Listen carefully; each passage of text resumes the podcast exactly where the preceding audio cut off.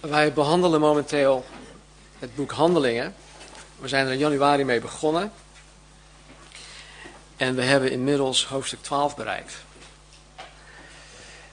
Elke week is het voor mij ja, een gigantische uitdaging om dit te brengen. Niet, niet om het te brengen, maar ik worstel zo in mezelf omdat aan de ene kant wil ik de vaart erin houden om waar mogelijk één hoofdstuk per week te pakken. Anderzijds zijn er zoveel dingen waar ik eigenlijk langer bij stil wil staan. Dus dan moet ik concessies maken. Omwille van de vaart, omwille van de tijd, ga ik er dan niet te diep op in. En dat vind ik voor mezelf vind ik zo jammer, want ja, er, er zit zoveel in. Uiteindelijk, waar, waar ik naartoe wil, waar we naartoe gaan als gemeente, is dat we, net als in dit geval vandaag, pakken we hoofdstuk 12. Dan pak ik iets eruit en gaan we daar heel diep op in, op de zondagochtend. Dan wordt het als het ware een preek. En dan op de zondagavond pakken we hoofdstuk 12 en dan gaan we daar gewoon vers tot vers doorheen. Nu probeer ik eigenlijk allebei te doen, maar het is onmogelijk. Het is onmogelijk om diep, er diep uh, op in te gaan en toch nog door het hoofdstuk heen te gaan. Dus waar ik dingen misschien heel snel overheen ga, dat is dan de achterliggende reden. Het is niet omdat ik het niet wil vertellen of delen, maar het is puur praktisch. We zagen vorige week dat het evangelie zich verspreidde onder de niet-Joden, de heidenen. De rijkwijde van het evangelie werd steeds groter. En het werd groter omdat Jezus het beloofd had. Jezus had in Handelingen 1 vers 8 beloofd, wanneer de Heilige Geest over jullie heen komt, dan zullen jullie mijn getuigen zijn in Jeruzalem, in heel Judea, in Samaria en tot het uiterste der aarde. Nou, op dit moment, tien jaar na die belofte, komt het uit. Het heeft het uiterste der aarde bereikt. Het evangelie is onder de niet-Joden, onder de heidenen gekomen. Het begon met Cornelius in hoofdstuk 10 en het gaat steeds verder, het breidt zich steeds verder uit. En toen de Joodse gemeente in Jeruzalem hoorde van hun geloof in Antiochië en dat zij ook gedoopt werden met de Heilige Geest, stuurden zij Barnabas naar, naar hen toe. Ze stuurden Barnabas daarheen om hen te bemoedigen. En Barnabas, die vervuld is met de geest, die vol is van geloof, die zag de nood, hij zag de behoefte in die kerstverse gemeente in Antiochië. Deze nieuwe, pasgeboren um, gelovigen. Hij zag dat ze onderwijs nodig hadden. Er was behoefte aan bijbelstudie. Dus hij ging naar uh, Tarsus toe. Hij riep de apostel Paulus erbij. Hij zegt, Paulus, we moeten deze mensen gaan onderwijzen. En vervolgens bleven zij met z'n tweeën een jaar lang de gemeente in Antiochië bijbelstudies geven. Laten we bidden. Vader, ik dank u voor, Heer, uw trouw. En Heer, ik dank u voor uw woord. En Heer, als het alleen maar woorden zijn op papier, Heer, dan, dan hebben we er weinig aan. Maar Heer, het is uw Heilige Geest die ons verlicht, die ons onderwijst. Zo Heer, zowel jong als iets ouder. Heer, help ons u te begrijpen. Help ons uw stem te horen en te kunnen verstaan vandaag. Heer, u weet wat een ieder van ons nodig heeft. Spreek tot een ieder individu. Heer, want u bent een God van maatwerk. Dank u wel. Amen. Uh, voordat we de hoofdstuk 12 induiken, wilde ik nog even iets zeggen over de laatste versen in hoofdstuk 11. Want daar zijn we vorige week dus even heel snel overheen gegaan. En uh, beginnen we bij hoofdstuk 11, vers 27. Er staat in, in die dagen, dat, was, dat waren dus de dagen dat um, Paulus en Barnabas in Antiochië waren. In die dagen kwamen enkele profeten vanuit Jeruzalem naar Antiochië. En een van hen, die Agabus heette, stond op en gaf door de Heilige Geest te kennen dat er een grote hongersnood zou zijn over heel de wereld. die dan ook, of die dan ook gekomen is onder keizer Claudius. En de discipelen besloten, ieder naar vermogen, iets te sturen ten dienste van de broeders die in Judea woonden. En dat deden ze ook. En ze stuurden het naar de ouderlingen door de hand van Barnabas en Saulus. De Heilige Geest sprak door deze Agabus heen en hij kondigde een hongersnood aan. Nou, Lucas de schrijver bevestigt dat ook hier. Hij bevestigt dat deze profetie van Agabus daadwerkelijk uitgekomen is onder het bewind van de keizer Claudius. Nou, ook de Joodse historicus Josephus, dat is iemand die niet in de Bijbel heeft geschreven, schreef over een hongersnood tijdens het bewind van Claudius. Sterker nog, er was een Romeinse historicus die ook bevestigde dat tijdens de regeringsperiode van deze Claudius, dat, dat er hongersnoden waren. Zijn, zijn, zijn um, bewind was gekenmerkt door hongersnoden. Dus hier hebben we ook buitenbijbelse informatie, uh, geschiedenis, bevestigingen van wat er in de Bijbel geschreven staat. En de Bijbel is betrouwbaar. Zelfs al was er geen buitenbijbelse bevestiging, de Bijbel is betrouwbaar. Punt uit. Nou, wat mij hier opvalt in dit verhaal, is wat, hij wat Lucas in, in vers 29 en vers 30 vermeldt.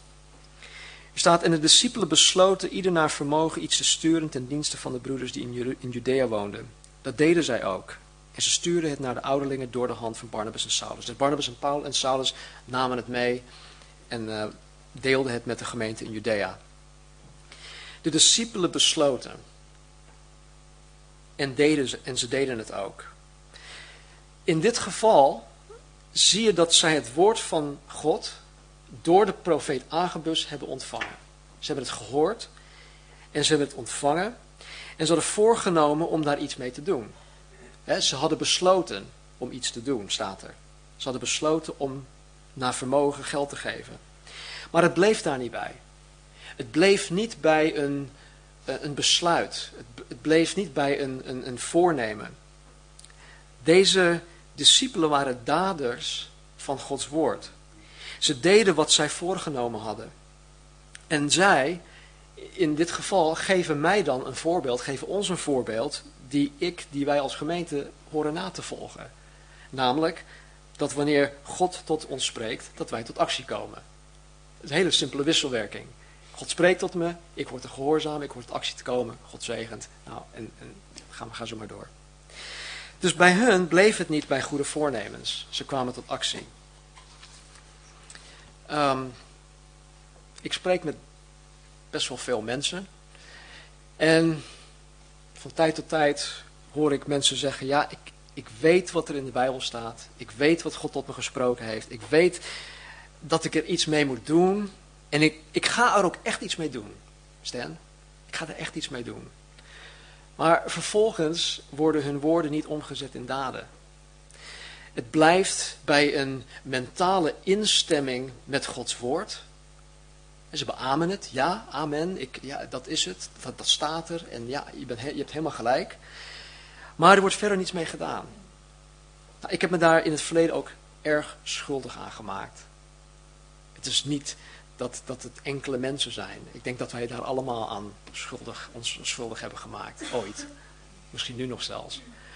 Maar dat maakt niet uit, het geeft niet. Wij zijn in een proces.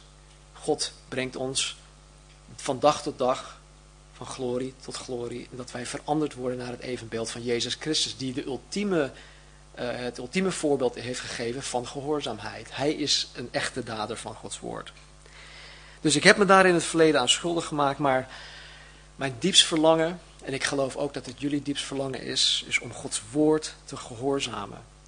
Om gehoorzaam respons te geven op Gods woord. Om een dader te zijn van Gods woord. Nou, met die gedachte laten we hoofdstuk 12 induiken. Hoofdstuk 12. Ik zal het hele hoofdstuk doorlezen. Omstreeks die tijd sloeg koning Herodes de hand aan sommigen van de gemeente om hen kwaad te doen. En hij doodde Jacobus, de broer van Johannes, met het zwaard. En toen hij zag dat het de Joden welgevallig was, ging hij verder door ook Petrus gevangen te nemen. Het waren de dagen van de ongezuurde broden.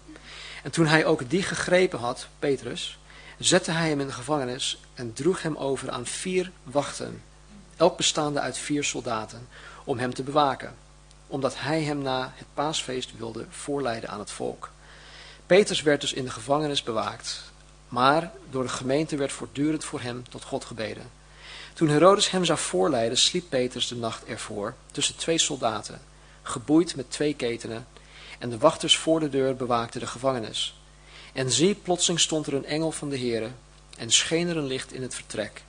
En door Petrus in de zij aan te stoten, maakte hij hem wakker en zei, sta snel op. En zijn ketenen vielen van zijn handen af. En de engel zei tegen hem, doe, doe uw gordel om en bind uw sandalen onder. En hij deed dat. En hij zei tegen hem, sla uw bovenkleed om en volg mij. En hij ging naar buiten en volgde hem. En hij wist niet dat het werkelijkheid was wat door de engel plaatsvond, maar hij dacht een visioen te zien. En toen zij langs de eerste tweede en tweede wacht gegaan waren, kwamen zij bij de ijzeren poort die naar de stad leidt. Deze werd vanzelf voor hen geopend. En toen zij naar buiten gegaan waren, liepen zij één straat verder en meteen ging de engel van hem weg. En Petrus zei, na tot zichzelf gekomen te zijn, nu weet ik werkelijk dat de Heere zijn engel uitgezonden heeft en mij verlost heeft uit de hand van Herodes en uit alles wat het Joodse volk verwachtte. En toen hij bij zichzelf overlegd had, ging hij naar het huis van Maria, de moeder van Johannes die ook Marcus genoemd werd, waar velen bijeen waren en baden. Toen Petrus aan de deur van het poortgebouw klopte, ging er een dienstmeisje naar het toe om te luisteren. Zij heette Rodé. En toen zij de stem van Petrus herkende, deed zij van blijdschap de poort niet open, maar liep, maar liep naar binnen en berichtte dat Petrus voor de poort stond. Ze zeiden tegen haar, jij bent niet goed wijs. Maar ze hield vol dat het zo was. En ze zeiden, het is een engel. Maar Petrus bleef kloppen en toen zij open gedaan hadden, zagen ze hem en stonden versteld. En hij gebaarde hun met de hand dat zij zwijgen moesten en hij vertelde hun hoe de Heere hem uit de gevangenis geleid had en zei, vertel dit aan Jacobus en de broeders. En hij, en hij verliet het huis en ging naar een andere plaats. Toen het dag was geworden, was er geen geringe opschudding onder de soldaten over wat er met Petrus gebeurd kon zijn. En nadat Herodes hem gezocht had en hem niet vond, ondervroeg hij de wachters gerechtelijk en gaf bevel hen weg te leiden. En hij vertrok van Judea naar Caesarea en verbleef daar. En Herodes koesterde, bittere vijandschap tegen de Tyriërs en de Sidoniërs. Maar zij kwamen eensgezind naar hem toe en na Blastus, de kamerheer van de koning, overtuigd te hebben, vroegen zij om vrede, omdat hun land gevoed werd door het land van de koning. En op een vastgestelde dag trok Herodes een koninklijk, koninklijk kleed aan en hield op de troon gezeten een toespraak tot hen. En het volk riep uit, dit is een stem van God en niet van een mens. En onmiddellijk sloeg een engel van de Heere hem omdat hij God de eer niet gaf. En hij werd door de wormen gegeten en de gaf de geest. En het woord van God verbreidde zich en nam toe. Barnabas nu en Saulus keerden terug uit Jeruzalem, na daar hun dienstwerk vervuld te hebben.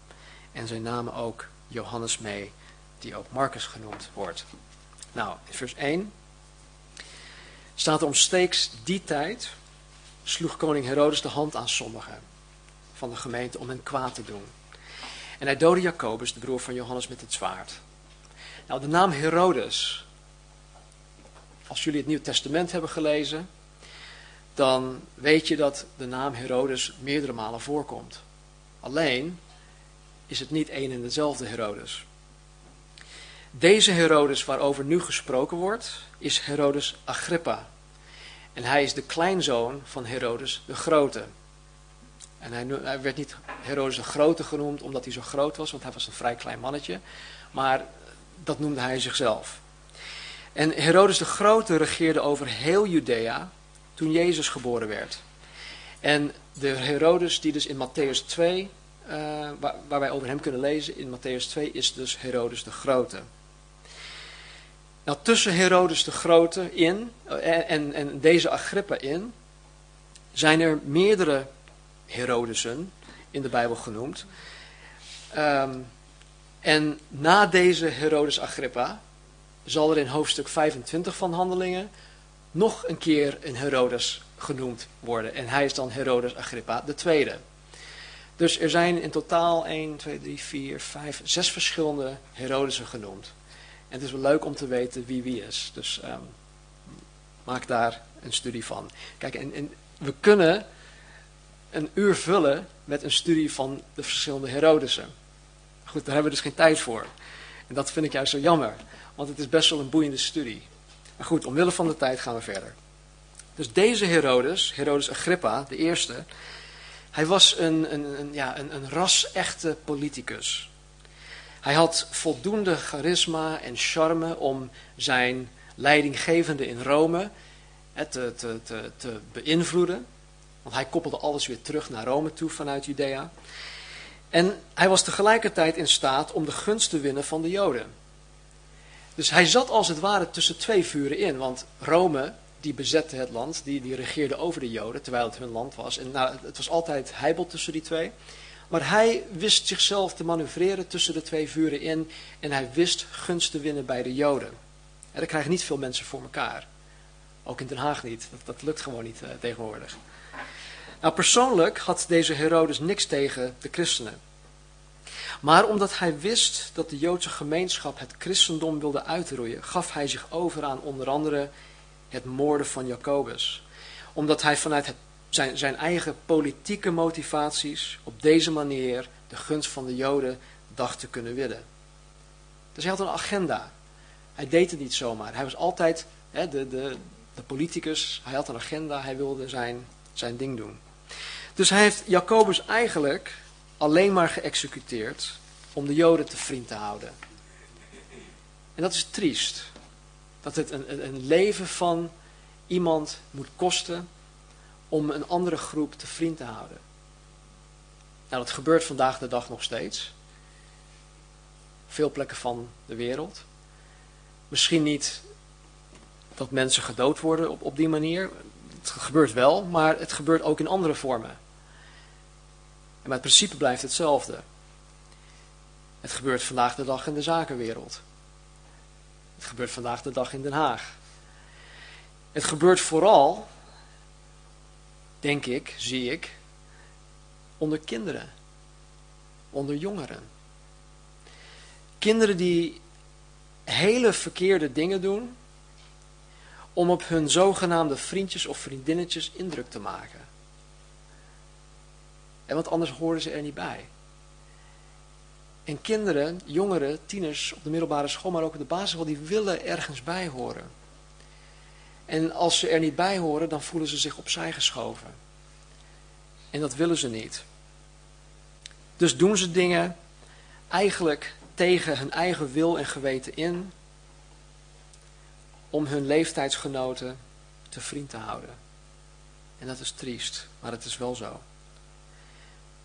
Meisjes die hun lichamen weggeven. Meisjes die hun maagdelijkheid weggeven aan hun zogenaamde vriendjes. Allemaal uit vrees dat hun vriendjes hun anders niet leuk gaan vinden of blijven vinden. Dat zijn moeilijke dingen om over te praten, maar het is wel zo. En Jezus is 2000 jaar geleden gekomen om ons, om onze kinderen, om onze jongeren daarvan vrij te maken. Wij kunnen vrij zijn om niet in dit soort gebondenheid te leven. Wij kunnen vrij zijn om er niet per se bij te horen. Wij hoeven ons, onze um, normen en waarden niet te verlogenen om erbij te horen. Want als wij Christus aanhangen, dan horen we er al bij. Ik ben nu vrij om niet meer te roken. Ik ben vrij om niet meer aan de drank te zijn. Ik ben vrij om niet meer high te worden. Degenen die Christus niet kennen, die hebben die vrijheid niet. Die leven in gebondenheid. Maar dankzij God ben ik vrij. Zijn jullie vrij om niet in gebondenheid te leven. En weet je, dit, dit, is, dit moeten wij aan andere mensen vertellen. Dit is één aspect van het goede nieuws, van het evangelie. Jezus zei ook, wie in de Zoon gelooft, is vrij, zal vrij zijn. Vers 3. En toen hij zag, Herodes, dat het de Joden wel gevallen was, ging hij verder door ook Petrus gevangen te nemen. Het waren de dagen van de ongezuurde broden.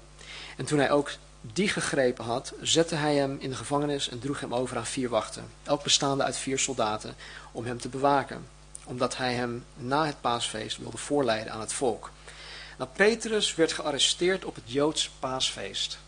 Dat is niet Pasen zoals wij dat kennen, hè, met het konijntje en met paaseitjes, maar het is het Joods paasfeest. Als je daar meer over wil weten, kan je Exodus lezen, Exodus 12 en ook eh, Exodus 34. En er staat er dus dat hij gearresteerd werd op het Joods, paasfeest, waar de daarop volgende zeven dagen de dagen van de ongezuurde broden waren. En in die tijd, ja, combineerden ze dat als het ware. Paasfeest, de dagen van ongezuurde broden, dat zagen ze als één feest. En wegens al de festiviteiten in Jeruzalem was het zoals gebruikelijk bomvol met mensen. Dus het was niet verstandig om Petrus tijdens deze festiviteiten voor te leiden en te executeren. Dus werd zijn executie met zeven dagen uitgesteld. Nou, Petrus had, had um, hiervoor, hè, voor deze arrestatie, reeds twee keer in de gevangenis gezeten. En de laatste keer werd hij door een engel vrijgelaten. Dus deze keer nam Herodes Agrippa extra maatregelen om te voorkomen dat Petrus voor een tweede keer zou ontsnappen. En hij zette 16 soldaten in om Petrus te bewaken. Het waren niet 16 tegelijk, maar het waren dan vier keer vier mensen. Als het ware is werkte in ploegendienst. Petrus werd dus in de gevangenis bewaakt, staat er in vers 5. Maar door de gemeente werd voortdurend voor hem tot God gebeden. Het woordje voortdurend betekent ook voortdurend, maar het betekent ook vurig, heel intens. Er werd hevig voor hem gebeden. Er wordt voor hem gestreden. Nou, we zien hier dat Petrus zich in een situatie bevindt dat voor de mens onmogelijk is om uit te komen. Er is geen uitkomst. Petrus is tot de dood veroordeeld en zoals Jacobus onthoofd werd, staat dit ook Petrus te wachten. Maar een grote maar. Niet dat het voor, voor Jacobus niet gold, maar in dit geval dus wel. Er staat dat de gemeente voortdurend voor hem in gebed was tot God. Vers 6. Toen Herodes hem zou voorleiden, sliep Petrus de nacht ervoor tussen de twee soldaten, geboeid met twee ketenen. En de wachters voor de deur bewaakten de gevangenis. Nou, ik wil daar even stoppen. Stel je voor, hè. Je bent zes dagen in de gevangenis. Je weet, de volgende ochtend word je voorgeleid en dan word je geëxecuteerd. Je broer is de week daarvoor onthoofd. Dat staat je ook te wachten. En Petrus geketend aan twee soldaten. Nou, dat, dat kon niet comfortabel zijn. Het was geen, hij had waarschijnlijk geen matras. Hij lag waarschijnlijk in een, in een, een, hoe een kerker of een erker. Ja, ja oké. Ehm, op de grond geketend aan twee soldaten. En er staat het, hij sliep. Even later lezen we dat die engel hem een por moest geven om hem wakker te maken. Dat vind ik bijzonder. Want Petrus is niet iemand die, of hij was niet iemand, tien jaar daarvoor, die, die zich helemaal had overgeleverd aan Jezus, die echt op, op God vertrouwde. Hij was nog Petrus, de vurige, in het vlees. Uh, altijd haantje de voorste of je eerste, met alle dingen. Maar goed, nu had hij de vrede van God. En hij, hij, had, hij had zichzelf waarschijnlijk al, al helemaal overgegeven aan de Heer. Van Heer, ik, ik weet het en eh, over een dag ben ik bij u. Dus hij sliep. Vers 7. En zie, plotseling stond er een engel van de Heer en scheen er een licht in het vertrek. En door Petrus in de zij aan te stoten, maakte hij hem wakker en zei, sta snel op. En zijn ketenen vielen van zijn handen af. De engel zei tegen hem, doe uw gordel om en bind uw sandalen onder. En hij deed dat. En hij zei tegen hem, sla uw bovenkleed om en volg mij. En hij ging naar buiten en volgde hem. En hij wist niet dat het werkelijkheid was, wat er door de engel plaatsvond, maar hij dacht een visioen te zien. En toen zij langs de eerste en tweede wacht gegaan waren, kwamen zij bij de ijzeren poort die naar de stad leidt, en deze werd vanzelf voor hen geopend. En toen ze naar buiten gegaan waren, liepen zij één straat verder, en meteen ging de engel van hem weg. Dus de engel verdween ineens. Zo snel als hij was gekomen, verdween hij. En Peter zei na tot zichzelf gekomen te zijn, nu weet ik werkelijk dat de Heere zijn engel uitgezonden heeft en mij verlost heeft uit de hand van Herodes en uit alles wat het Joodse volk verwachtte. Nou, het Joodse volk verwachtte dat Herodes hem ook zou doden. Ze stonden daar echt, echt op te wachten van ja, nou morgen komt het. Ze gaan Petrus ook doden, dan zijn we ook van hem af. En toen hij bij zichzelf in vers 12 overlegd had, ging hij naar het huis van Maria, de moeder van Johannes, die ook Marcus genoemd werd, waar velen bijeen waren en baden. Deze Johannes, die ook Marcus genoemd werd, even een uh, kanttekening. Hij is, we zullen hem vaker tegenkomen in het boek Handelingen. Er wordt ook over hem gesproken in de brieven van Paulus. En het is, Johannes Marcus wordt hij later genoemd, en het is de, de schrijver van het evangelie van Marcus. Dus hij speelt een belangrijke rol. En we zullen hem vaker tegenkomen. Hij is trouwens ook de neef van uh, Barnabas, die uh, vorige week naar Antiochië ging. Vers 13. Toen Petrus aan de deur van het poortgebouw klopte, ging er een dienstmeisje naartoe om te luisteren. En zij heette Rode. Zeg ik dat goed? Rode. Rode? Oké, hier staat met een streepje op de E. Maar goed, rode. In het Engels is het Rhoda. Goed. En toen zij de stem van Petrus herkende, deed zij van blijdschap de poort niet open, maar liep naar binnen en berichtte dat Petrus voor de poort stond. Nou, vind ik, ik wil grappig dat hij dat vermeldt. Ik kan me voorstellen dat het een vrij jong, jong meisje is, een tienermeisje. En die is vurig aan het bidden met, met, met de andere mensen. En, en die gaat naar de deur toe. Wie, wie klopt er nou op dit uur? En hé, is dat Petrus? En uit blijdschap, uit ja, schok, doet ze de deur niet open, maar dan rennen ze in één keer terug. Ik heb vier dochters. En ik, ik kan me dat helemaal voorstellen, dat, dat een van me... Je hoeft niet zo te kijken hoor, Les. maar ik kan me voorstellen dat, dat zo'n meisje dus helemaal uit, uit excitement ja, dat, dat zou doen. Dus dat vind ik, vind ik wel mooi dat, uh, dat Lucas dat vermeldt. Maar ze zeiden tegen haar, je bent niet goed wijs. Maar zij hield vol dat het zo was. En ze zeiden, het is een engel. Nou, zie het voor je. Deze groep mensen waren vurig aan het bidden voor Petrus. En dan staat Petrus voor de deur. Hij zegt, ik ben het. Dat meisje vertelt aan, aan, aan de groep dat, dat, dat, dat Petrus aan de deur staat. En dan denken ze dat die meid gek is geworden. Maar omdat zij het volhield, hè, dat meisje, ze bleef maar aandringen van nee, het is echt Petrus, zeiden ze uiteindelijk dat het zijn engel was. Nou, dat vind ik een hele rare uitspraak. Dat wij als gelovigen gediend worden door engelen of beschermengelen, wordt ons in de Bijbel geleerd. In Hebreeën hoofdstuk 1 vers 14 staat er dat de engelen dienende geesten zijn, die uitgezonden worden om ons te dienen die de zaligheid zullen beërven. Dus God gebruikt engelen om ons als gelovigen te dienen. En in dit geval kwam hij, ik weet niet welke engel het was, die kwam dus letterlijk naar beneden. Hij maakte zich ook zichtbaar en hij hielp Petrus. En hij diende Petrus daarin. Nou, ik heb nooit in die vorm een engel gezien. Maar ik durf wel te zeggen dat, dat, ik, dat ik zeker weet dat ik op meerdere malen toe beschermd ben door een engel. Of misschien wel meerdere engelen. En dat staat hier in de Bijbel. Daarom is het al reden genoeg om het te geloven. Maar het is mooi als je dat ook als persoon kan ervaren. De Joden geloofden dat deze engelen het uiterlijk en de stem konden aannemen van degene die zij beschermden. dus ik ben een engel, ik ben toegewezen om Petrus te beschermen, maar ik kan zijn gedaante, ik kan zijn stem kan ik aannemen. Dit was onder de Joden in die tijd een heel populair eh, geloof. Zij geloofden dat echt. Maar dit wordt nergens in de Bijbel ondersteund. Dus het, het staat hier vermeld en het staat hier vermeld als informatie, maar niet als een, een leer dat wij hier ons aan moeten vastklampen dat, dat het zijn engel was. Dus, vers 16. Maar Petrus bleef kloppen.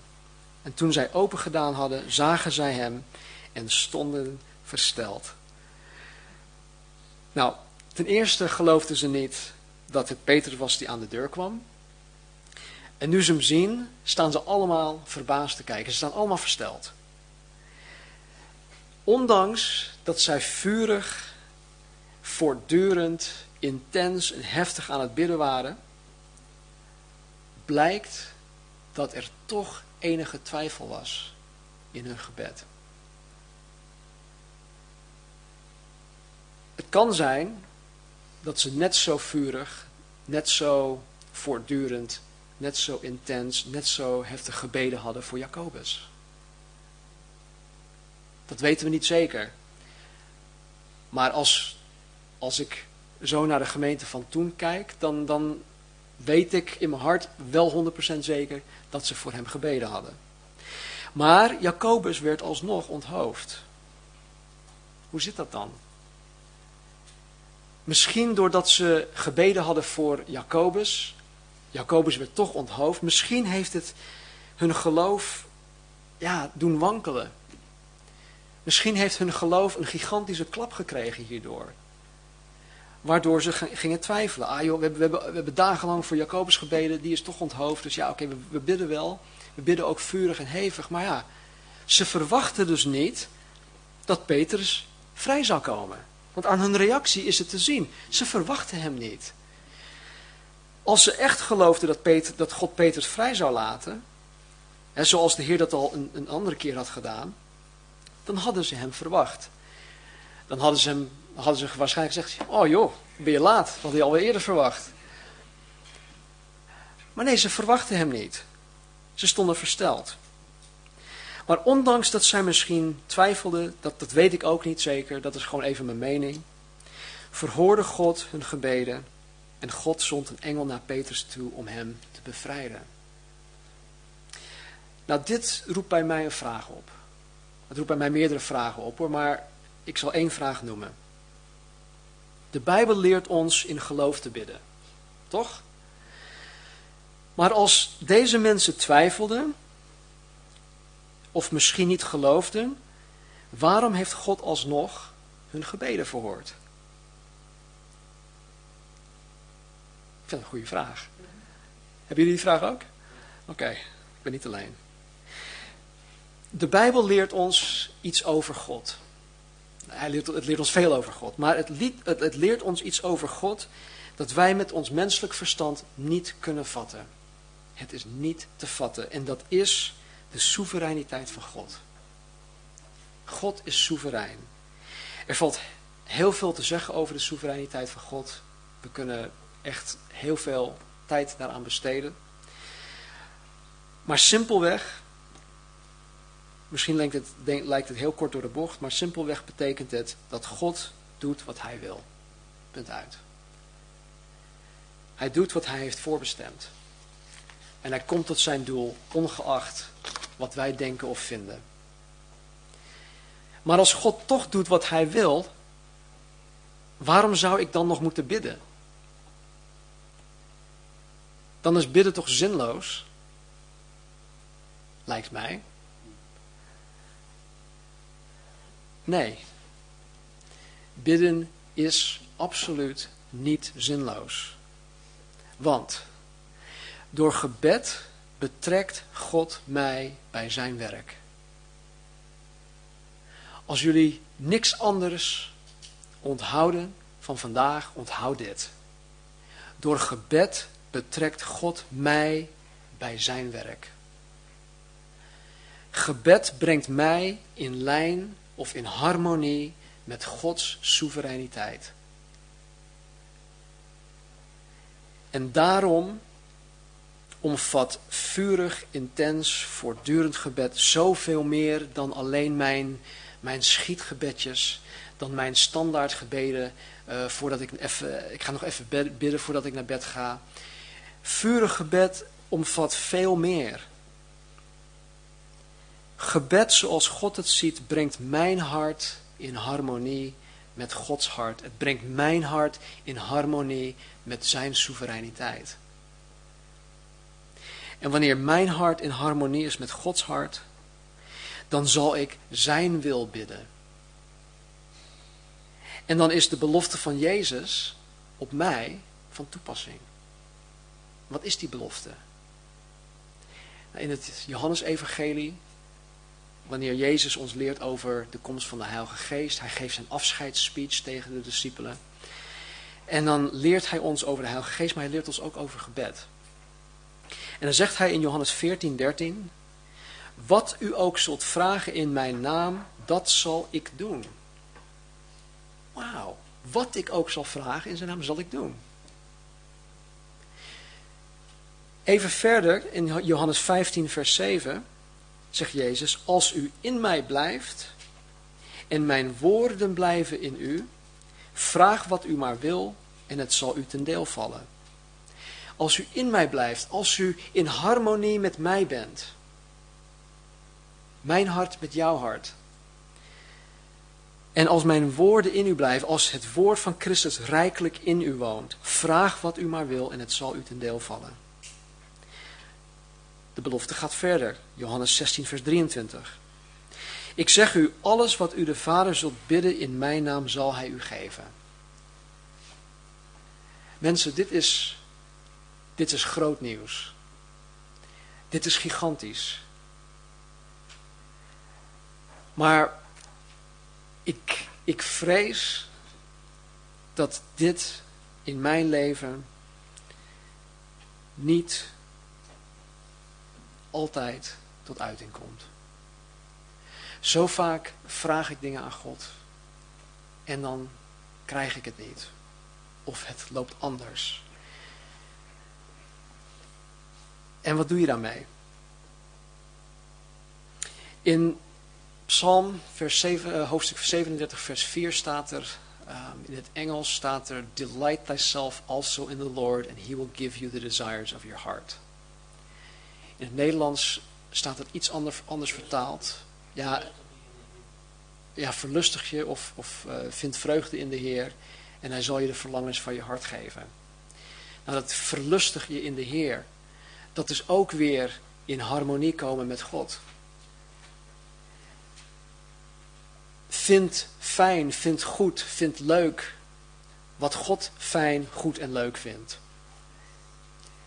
En dan zal Hij je de verlangens van je hart geven. Want dan gaan de verlangens van mijn hart veranderen naar de verlangens van zijn hart. En dan komt, komen mijn verlangens overeen met zijn verlangens. En dan zullen we deze dingen, wat, wat Jezus ons belooft, dat zal ook echt worden. Het zal werkelijkheid worden in ons leven. Wij hebben zoveel gebeden die op deze manier zijn verhoord. Het is echt niet meer bij te houden. Als ik terugblik naar deze afgelopen week, ik kan niet eens meer bijhouden wat God allemaal aan het doen is. Het is onvoorstelbaar. God is zo goed. Hij is zo trouw. Het, het, draait om mij hoor. Het is niet omdat ik de voorganger ben of, of whatever. Ik ben gewoon een christen. Ik ben zijn kind. Ik ben zijn volgeling. En het is niet bij te houden wat God allemaal aan het doen is. Dus wanneer mijn hart in harmonie is met Gods hart, dan zal ik zijn wil bidden en dan is deze belofte van Jezus op mij van toepassing. Vers 17. En Petrus gebaarde hun met de hand dat zij zwijgen moesten en hij vertelde hun hoe de Heere hem uit de gevangenis geleid had. En zij vertelde het aan Jacobus en de broeders en hij verliet het huis en ging naar de andere plaats. Deze Jacobus is natuurlijk niet de Jacobus die in het begin van het hoofdstuk door gedood werd. Petrus heeft het nu over Jacobus, de halfbroer van Jezus. Jezus had halfbroers. En dit was een van zijn halfbroers. Nou, deze Jacobus geloofde in eerste instantie niet dat Jezus de lang verwachte Messias was of is. Maar pas na de opstanding van Jezus geloofde hij. Het is wel leuk, want uh, Paulus die, die, uh, uh, die haalt het ook aan. Hij zegt in 1 Korinthe 15 vers 7 dat de opgestane Jezus door onder andere Jacobus, zijn halfbroer, is gezien. Dus het is blijkbaar de ontmoeting met de opgestane Heer die Jacobus tot geloof heeft gebracht. En voor ons geldt dat ook. Het is onze ontmoeting met de opgestane Heer die ons tot geloof brengt. Want wij hebben de, het vlees geworden Christus nooit gezien, nooit ontmoet. Nou, Petrus ging daar onmiddellijk weg, dat is logisch, en hij was ergens anders in een ongenoemde plaats ondergedoken. Vers 18. Toen de dag was geworden, was er geen geringe opschudding onder de soldaten over wat er met Petrus gebeurd kon zijn. En nadat Herodes hem gezocht had en hem niet vond, ondervroeg hij de, wachters gerechtelijk en gaf bevel hen weg te leiden. En hij vertrok van Judea naar Caesarea en verbleef daar. Nou, het beleid was namelijk zo dat wanneer een wachter een gevangene liet ontsnappen, dat de wachters dezelfde straf zou krijgen als de gevangene. Dus deze wachters kregen de doodstraf, die Petrus ook zou krijgen. En ik kan me goed voorstellen dat deze Herodes Agrippa aan gezichtsverlies leed. Stel je voor, hij maakt bekend aan het Joods volk, mensen, ik heb Petrus in hechtenis. Ik heb 16 wachters aangesteld om hem te bewaken. Hij komt niet vrij hoor. De eerste keer wel, maar ja, deze keer niet. Hij wordt veroordeeld. En nu is Herodes deze gevangene kwijtgeraakt. Hij is zoek. Er is geen verklaring voor. Onder zijn leiding is deze gevangene zoek geraakt. Dus wat doet Herodes Agrippa? Hij smeert hem. Hij vertrok van Judea naar Caesarea en hij verbleef daar. Vers 20. En Herodes koesterde bittere vijandschap tegen de Tyriërs en Sidoniërs, maar zij kwamen eensgezind naar hem toe en na Blastus, de kamerheer van de koning, overtuigd te hebben, vroegen zij om vrede, omdat hun land gevoed werd door het land van de koning. En op een vastgestelde dag trok Herodes een koninklijk kleed aan en hield op de troon gezeten een toespraak tot hen. En het volk riep uit, dit is een stem van God en niet van een mens. En onmiddellijk sloeg een engel van de Heere hem, omdat hij God de eer niet gaf. En hij werd door de wormen gegeten en gaf de geest. Nou, het wordt ons niet verteld in de Bijbel wat deze vijandschap inhield tussen Herodes en de Tyriërs en Sidoniërs. Maar het blijkt dat zij een delegatie naar hem toe hadden gestuurd uh, om vrede met hem te stichten, omdat zij afhankelijk waren van Herodes voor hun voedsel. Herodes had volgens de, uh, de historicus Josephus een feest ter ere van de keizer georganiseerd. En waarbij deze delegatie aanwezig was. En tijdens dit feest verscheen Herodes uh, in een soort zilverkleurige toga. Die glinsterde in het licht van de zon. Dus het leek alsof hij, hij scheen, hij straalde. Hij hield een toespraak en de mensen riepen voortdurend dat hij een God had. Het was niet een eenmalige uh, iets van, hij is, een, hij is God, hij is geen mens. Nee, het was voortdurend, er was een soort chant. He, Herodes, hij is God, hij is geen mens. Herodes, hij is God. Het was gewoon een chant, ze bleven dat voortdurend roepen. En hij liet het maar over zich heen komen. Oh, heerlijk, heerlijk is dat. Hij gaf God niet de eer. En dit is het tegenovergestelde van hoe, hoe Petrus reageerde toen Cornelius hem in hoofdstuk 10 hulde. Weet je nog? Hij kwam bij, bij Cornelius binnen. Cornelius viel aan zijn voeten en hij hulde hem. Wat zei Petrus? Petrus zei heel nuchter en heel nederig. Kap er nou mee. Even bot gezegd. Ik ben ook maar een mens. Hij gaf de eer aan God. Hij verwees Cornelius weer door aan Jezus. Vers 24. En het woord van God verbreidde zich en nam toe. De gemeente kende een periode van vervolging die begon met de steniging van Stefanus in hoofdstuk 7. En in die tijd ging Saulus heftig tekeer tegen de gemeente, waardoor vele christenen gevangen werden genomen. Ze werden verstrooid naar alle andere streken toe. En een aantal van hen werden gedood. Maar met de bekering van Saulus in hoofdstuk 9 kwam er een periode van rust in de gemeente. Er kwam een periode van welvaart in de gemeente. Er kwam een periode van, van groei in de gemeente. En nu zien we dat er opnieuw een golf van vervolging is gekomen. Jacobus is door Herodes onthoofd, Petrus werd gearresteerd. En we weten niet wie nog meer werden gearresteerd en werden gedood. Dat weten we niet. Maar net zoals bij de eerste golf van vervolging groeide de gemeente.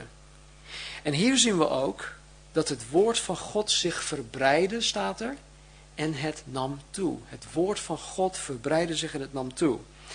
En ik geloof dat dit betekent dat het woord van God, het evangelie, de gezonde leer, tot steeds meer mensen gekomen was. En dat deze mensen het vervolgens weer doorgaven aan andere mensen. En dat doen wij in principe ook. Wij ontvangen de leer van de Heer, het woord van God, en we geven het weer door. Het betekent ook dat steeds meer en meer mensen tot geloof in Jezus kwamen. En dat bevestigt dan weer wat Jezus in, de, in het evangelie zei. Ik zal mijn gemeente bouwen. Want elke keer als, er sprake was van het woord nam toe, of God, de, de, gemeente groeide, dan staat er nadrukkelijk, en God voegde toe aan hen die zalig werden. Hij voegde mensen toe. En dat is voor mij, dat hoort voor ons een gigantische geruststelling te zijn, want hoeven wij niet te streven om mensen binnen te halen. Wij horen alleen maar getuigen te zijn. Handelingen hoofdstuk 1 vers 8. En we zien, en hier sluit ik mij af tot nu toe, dat dit de methode is die God handhaaft om gemeentegroei tot stand te brengen. En door op een eenvoudige manier het woord van God te verkondigen, door de mensen vanuit de Bijbel te overtuigen dat Jezus de enige echte God is, de weg, de waarheid en het leven, de enige weg die tot de hemel leidt, door de nieuwe gelovigen vervolgens toe te rusten, door hen te onderwijzen in het woord van God, zodat zij het weder, of weer door kunnen geven aan anderen. Door de volgelingen van Jezus te vullen en te leiden door de Heilige Geest. Want we zien ook tot nu toe in onze studie en handelingen dat, dat, wij, dat de Heilige Geest elke keer weer de regie voerde. Hij leidde mensen naar bepaalde situaties toe. Hij, hij bracht alles tot stand.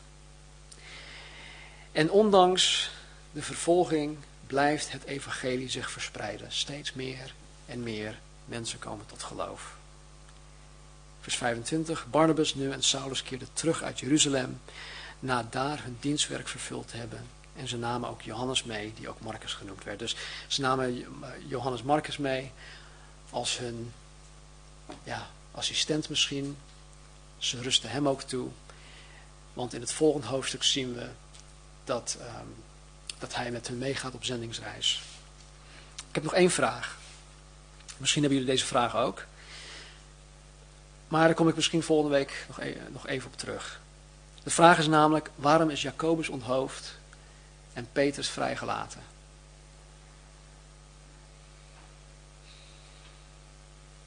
Daar kom ik volgende week op terug. Ik heb geen antwoord daarop hoor, maar het is wel goed om vanuit het woord toch iets over te zeggen. Laten we bidden. Vader, dank u wel. Heer, voor uw trouw, voor uw soevereiniteit. En Heer, dat u ervoor kiest om mij, om ons bij uw plan, uw wil, uw soevereiniteit te betrekken. En Heer, dat u zo verlangt dat wij onze harten in harmonie brengen met uw hart. Heer, wat een voorrecht om dat te kunnen en mogen doen. Heer, dat wij één mogen zijn met de schepper van hemel en aarde. Heer, dat gaat mijn verstand te boven. En Heer, ik dank u dat wij vanuit uw woord het voorbeeld hebben mogen zien, Heer, dat de mensen, de doorsnee, doodgewone christenen in Antiochië, uw woord hebben gehoord, dat ze daar acht, hebben, acht op hebben geslagen, Heer, en dat ze tot actie kwamen. Heer, dat ze daders zijn van uw woord. Ze hebben het van de profeet Agabus gehoord en ontvangen ze hadden besloten om daar iets mee te doen en ze deden het ook. O Heer, help ieder van ons om daders van uw woord te zijn, te worden, te blijven. Heer, help ons om dagelijks, Heer, uw woord te gehoorzamen. Heer, wanneer we het lezen, wanneer u tot ons hart spreekt, dat we het ook echt zien alsof u persoonlijk tot ons spreekt en ons instrueert en leidt. Heer, we weten zoveel dingen. Heren, we stemmen mentaal zoveel, zoveel dingen ja, in. Maar vaak, heren, is het zo dat we bepaalde dingen al zo vaak hebben gehoord dat het ons niet meer raakt. Heer, dat onze harten gesloten zijn voor uw woord. Heer, open onze harten voor uw woord. Heer, dat we fijngevoelig mogen zijn voor uw stem. Dat we ontvankelijk zijn, Heer, voor uw stem. Wanneer u tot ons spreekt. Heer, help ons om vrij te komen van het behagen van mensen. Heer, zoals Herodes het Joods volk wilde behagen, dat hij gruwelijke dingen deed, heren. Jacobus te onthoofden, de kerk te vervolgen. Heren, wij doen dat niet in die mate, maar Heer, ik weet dat wij het wel doen. Dat wij wel compromissen sluiten, heren, met, met onze eigen normen en waarden, heren, met uw woord, met uw wil. Heren, om erbij te horen. O Vader, help ons. Help vooral onze kinderen, heren, onze jongeren onder ons.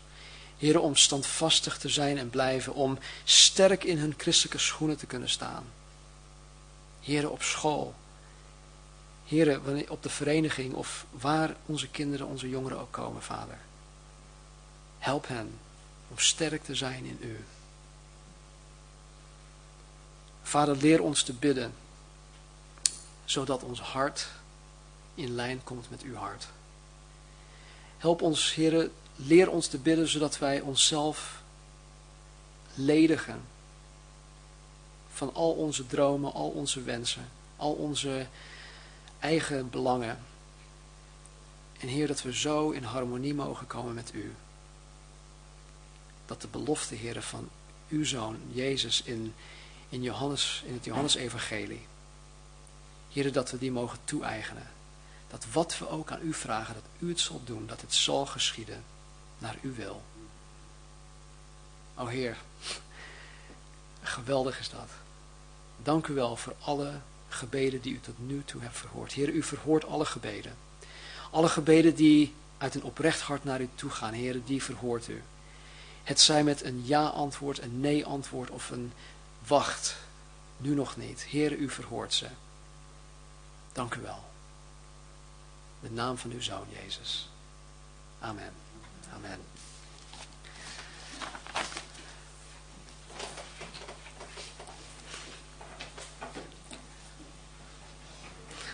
Laten we staan voor de zegen van de Heer.